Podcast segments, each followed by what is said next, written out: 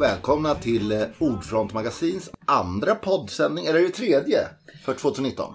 Eh, det är fan tredje för Den 2019. tredje poddsändningen 2019, Herregud. den ni hörde, klicka in där, var Sveriges svar på Noam Chomsky, Daniel Berg.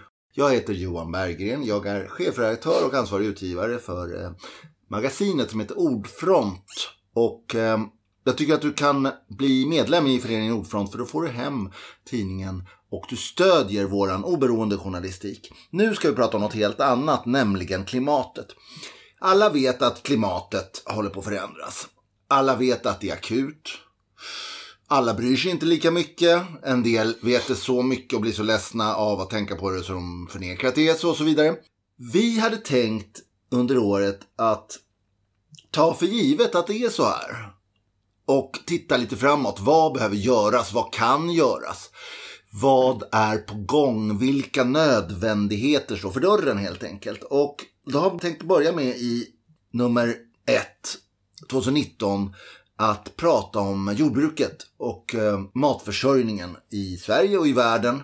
Och jag tänkte fråga dig Daniel, som eh, har faktiskt intresserat dig ganska mycket för den här frågan. Hur ser situationen ut rent globalt med eh, jordbruk och matförsörjning och klimatet?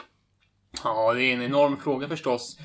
Vi har ju under de senaste 60-70 åren upplevt en grön revolution som det kallas. Det är naturligtvis inte egentligen en grön revolution så mycket som en fossildriven revolution som har gjort det möjligt att expandera produktionen enormt eh, med industriellt jordbruk. Ja. Den här fasen har inte bara varit en intensifiering med fossila bränslen och kemiindustrins nya fantastiska sätt att bekämpa insekter och svampar och skadeväxter. Utan det har också varit en extensifiering, som man sällan talar om. Alltså, man har på ett sätt ökat produktionen per arealenhet med hjälp av alla de här enorma insatsvarorna. Kemikalier, handelsgödsel, traktorer, allt sånt. Exakt, ja, precis. Ja.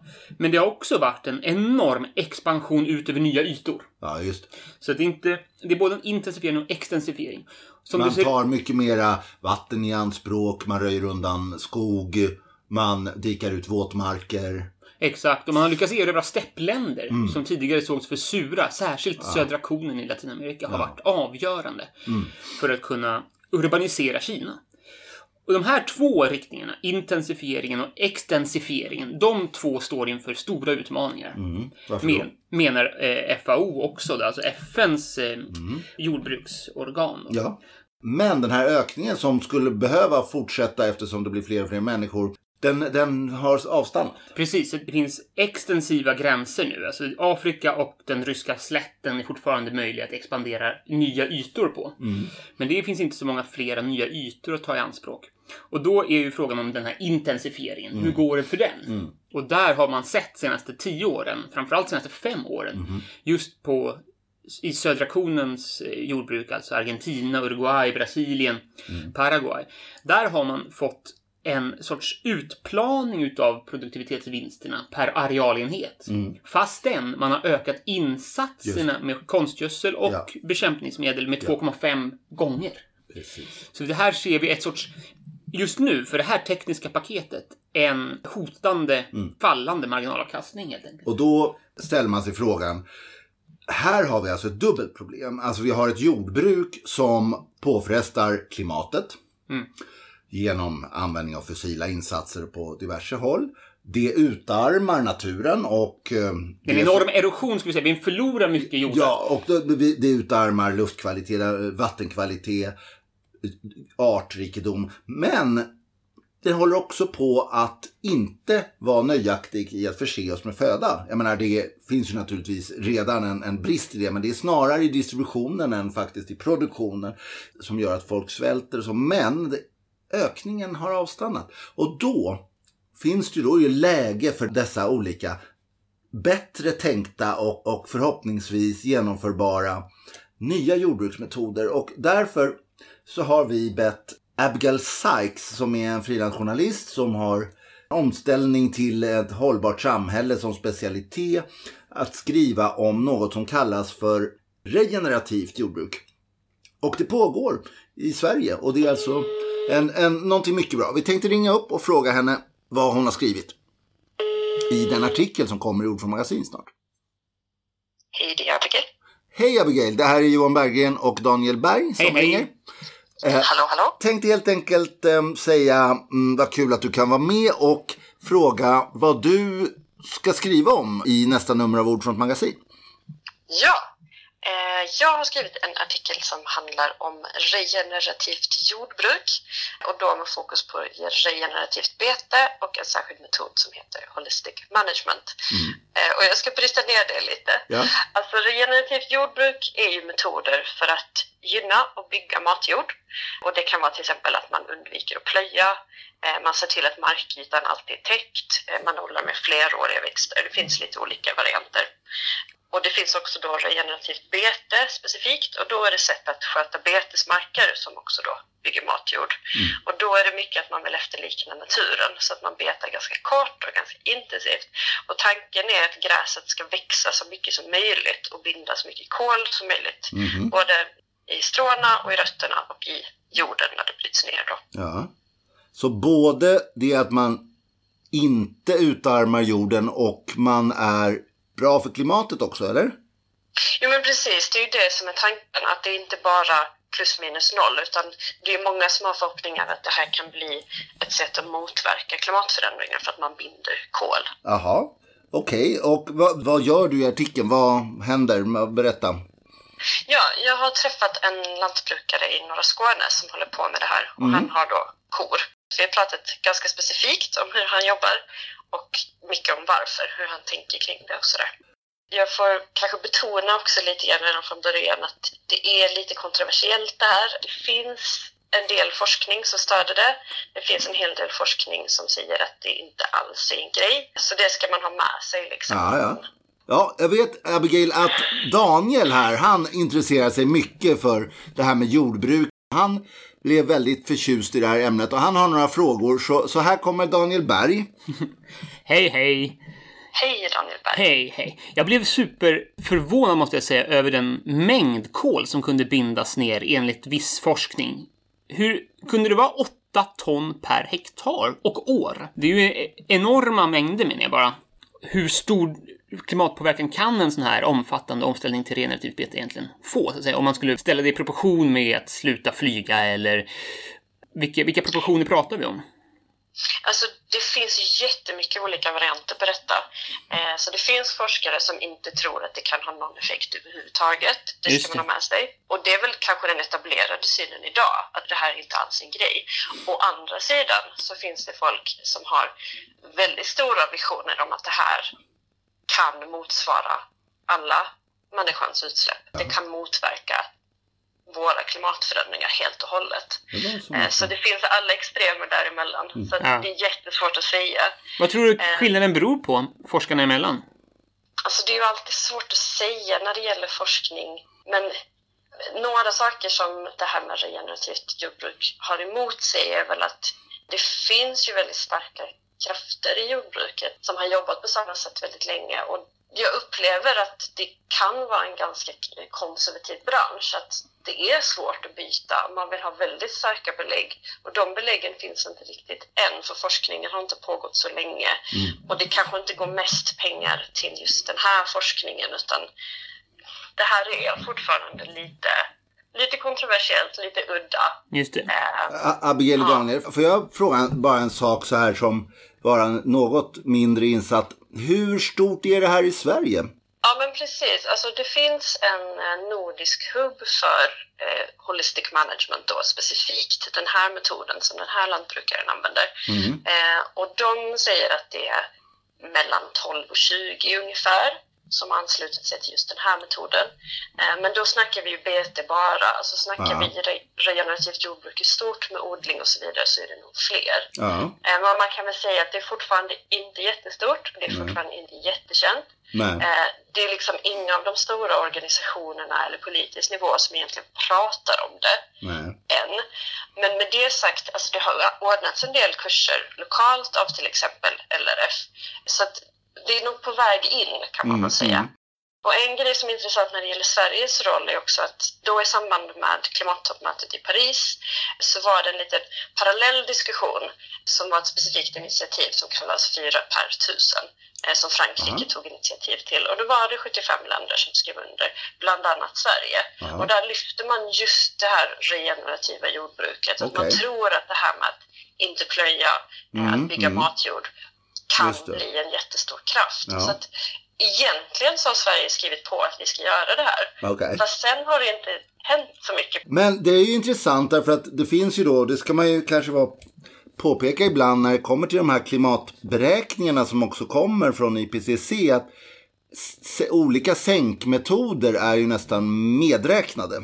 Att det ska finnas både jordbruk och teknik ska hjälpa till att ta ut koldioxid ur luften, inte bara minska utsläppen. Och då är det här då en av metoderna, eller? Mm, ja, absolut, absolut. Och jag vet inte hur mycket de har tittat specifikt på det här, men internationellt så känns det som att det här är mer etablerat. Alltså, Tittar man i FN-dokument så är det mycket större chans att de nämner regenerativt jordbruk. Ja. Och det är ju klart, om man jämför med liksom sådana här stora geoengineering-grejer så upplever ju jag det som skönare att man faktiskt jobbar med naturen. Alltså Jo, man jo. jobbar med det som naturen redan vill och kan göra så att Mm. säga. Än att man ska gå in med någon stor teknik och liksom. Men det är också så här, vi är mycket av jordarna vi pratar om som har under åren utarmats och släppt ifrån sig en väldigt massa kol eh, under industriellt jordbruk som är de som man då kan man säga, man återerövrar dem och samtidigt som de då lagrar igen kol. Det är så det funkar. Absolut, absolut. Och tanken är ju också att alltså, genom att man gynnar jorden så Alltså dels så motverkar man ju de här negativa effekterna som så småningom ju kan leda till erosion och Mm. allt det här. Men också att man i bästa fall så gör man jorden bättre så att man kan få större skördar. Ja, så. Mm, det är ju verkligen win-win både för klimatet och skördar och så.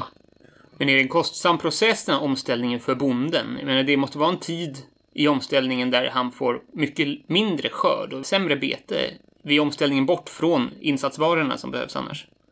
Jag vill vara lite försiktig med att uttala mig om det, för just den frågan ställde inte jag. Men det här är ju inte svårt att göra på det sättet. Alltså, det finns mycket, man måste planera, man måste analysera, man måste tänka. Alltså, så det kräver ju en insats på det sättet. Men det här med att man betar den jord man redan har på ett annat sätt. I sig så innebär ju kanske inte det en jättestor kostnad, utan det är mer ett annat sätt att tänka.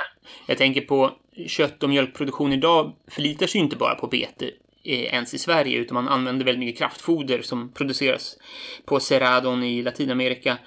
Att försöka ta in alla de kostnaderna så att säga, i sitt eget jordbruk och inte köpa in kraftfoder, det tänker jag mig måste vara en, en omställning som är svår i början.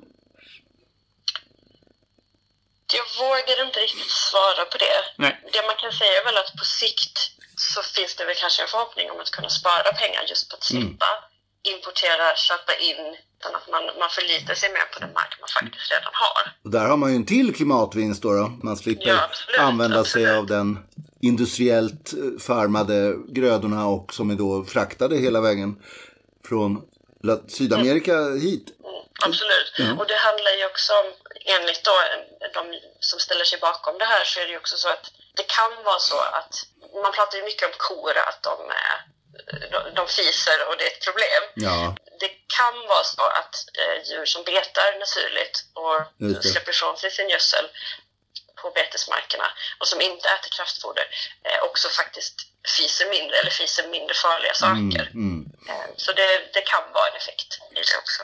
För en sån här omställning då, om man tänker sig att ändå det kostar som du säger åtminstone en omskolning på några år och säkert andra omställningskostnader.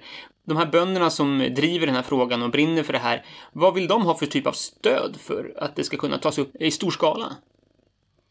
Alltså, grejen är att många gör ju det här ändå. Liksom. De testar i liten skala, de provar sig fram. Alltså, det är ju ingen som riskerar att, kanske att- ställa om helt och hållet på ett år. Utan då är det så här, man testar med, med mindre yta, man jobbar in sig i det successivt. Så då behöver det inte bli så stor risk heller, utan man kan ta tio år på sig och, och genomföra det här. Liksom. Till viss del är det så att de kör ju på, de gör det här ändå. Eh, men det är klart att de skulle vara hjälpta av olika saker. Till exempel så, så tror jag att många skulle tycka det var ganska skönt om det fanns mer forskning gjord i relevanta delar av världen, till exempel i Sverige eller i alla fall i Mm. norra, på norra halvklotet, som man kunde stödja sig på och kunde se lite mer om vilka, vilka grödor är bra, vilka metoder funkar just här. Det är klart att det skulle hjälpa dem istället för att de själva måste ta reda på det. Och dels så finns det ju mycket regler, både på EU-nivå och, eh, och förmodligen nationellt också, som, som gör det lite svårt Ja. eh, när det gäller djur, liksom vilka krav man har och hur det funkar med betet och så. Sen är det klart att djurvälfärden måste ju komma i första rummet, men en del av de här reglerna Så de, du ser de, de största hindren mot det här egentligen är upplysning. Ja, alltså det är ju min bild att, att eh, det är definitivt värt att sprida kunskapen. Så får ju liksom varje lantbrukare sätta sig in i det och, politiker får sätta sig in i det och fundera på vad de tror och så. Men, men bara att medvetenheten är inte så stor idag. Nej. Och bara kunna lyfta frågan och visa att det här kanske är en grej. Och så får man ju se vad folk kommer fram till. Är det Ja. det eller inte? Dock så finns det till exempel, eller hur Abigail, att det är EU-regler som kan hindra den här sortens skötsel också. Jo, men absolut, så är det ju. Det är ju definitivt ett av hindren eh, för många. Att man får anpassa sig till regler som inte alls är gjorda för den här typen av verksamhet. Det är väl frustrerande. Mm. Ja, alltså, ja. Lantbrukare är säkert vana vid det, att man får, man får anpassa sig liksom, till, till det som finns. Men det gör det ju svårare och mer krångligt än vad det kanske hade behövt vara. Ja, nej, men ähm, har du några fler frågor Daniel? Massor. Ja, okej. Eh, vi, vi kommer att återkomma till det här med jordbruk och alternativa odlingsmodeller. Därför att det är en nyckel till att eh, göra en hållbarare framtid och utveckla samhället förbi det här med dödligt hotande klimatförändringar och även annan miljöförstöring med artutdöd och eh, biotoper som försvinner. Tack så mycket Abigail för att vi fick prata med dig. Tack, tack. Och eh, Tack så mycket. ska bli kul att läsa din artikel i Ordfront magasin nummer 1 2019. Hej då! Hej då! Hej! Ja, det var alltså Abigail Sykes som är en frilansjournalist som specialiserar sig på att skriva om omställningen till ett hållbart samhälle som man kan säga är det ena alternativet för framtiden. Det andra är ett mycket dystrare klimatkatastrofalt, eh, resurs och råvaruhavererande, halvkatastrof, kanske lite krig och så här på det. Men sen efter det så kommer det också behövas ett nytt samhälle och då kanske man är dags för de här grejerna. Vi får se vilken väg vi tar. Det bli spännande. Ja, Må du leva i intressanta tider heter en gammal kinesisk förbannelse. Det har jag läst Deepak Chopra säga. Tack lyssnare för att ni var med oss. Daniel Berg, vi ska prata mer jordbruk. Det ska vi göra. Permakultur till exempel. Mycket bra grej. Ja, som Daniel själv här pysslar med kan jag avslöja som en liten teaser. Tack så mycket, ha det bra, prenumerera på från magasin. God återväxt.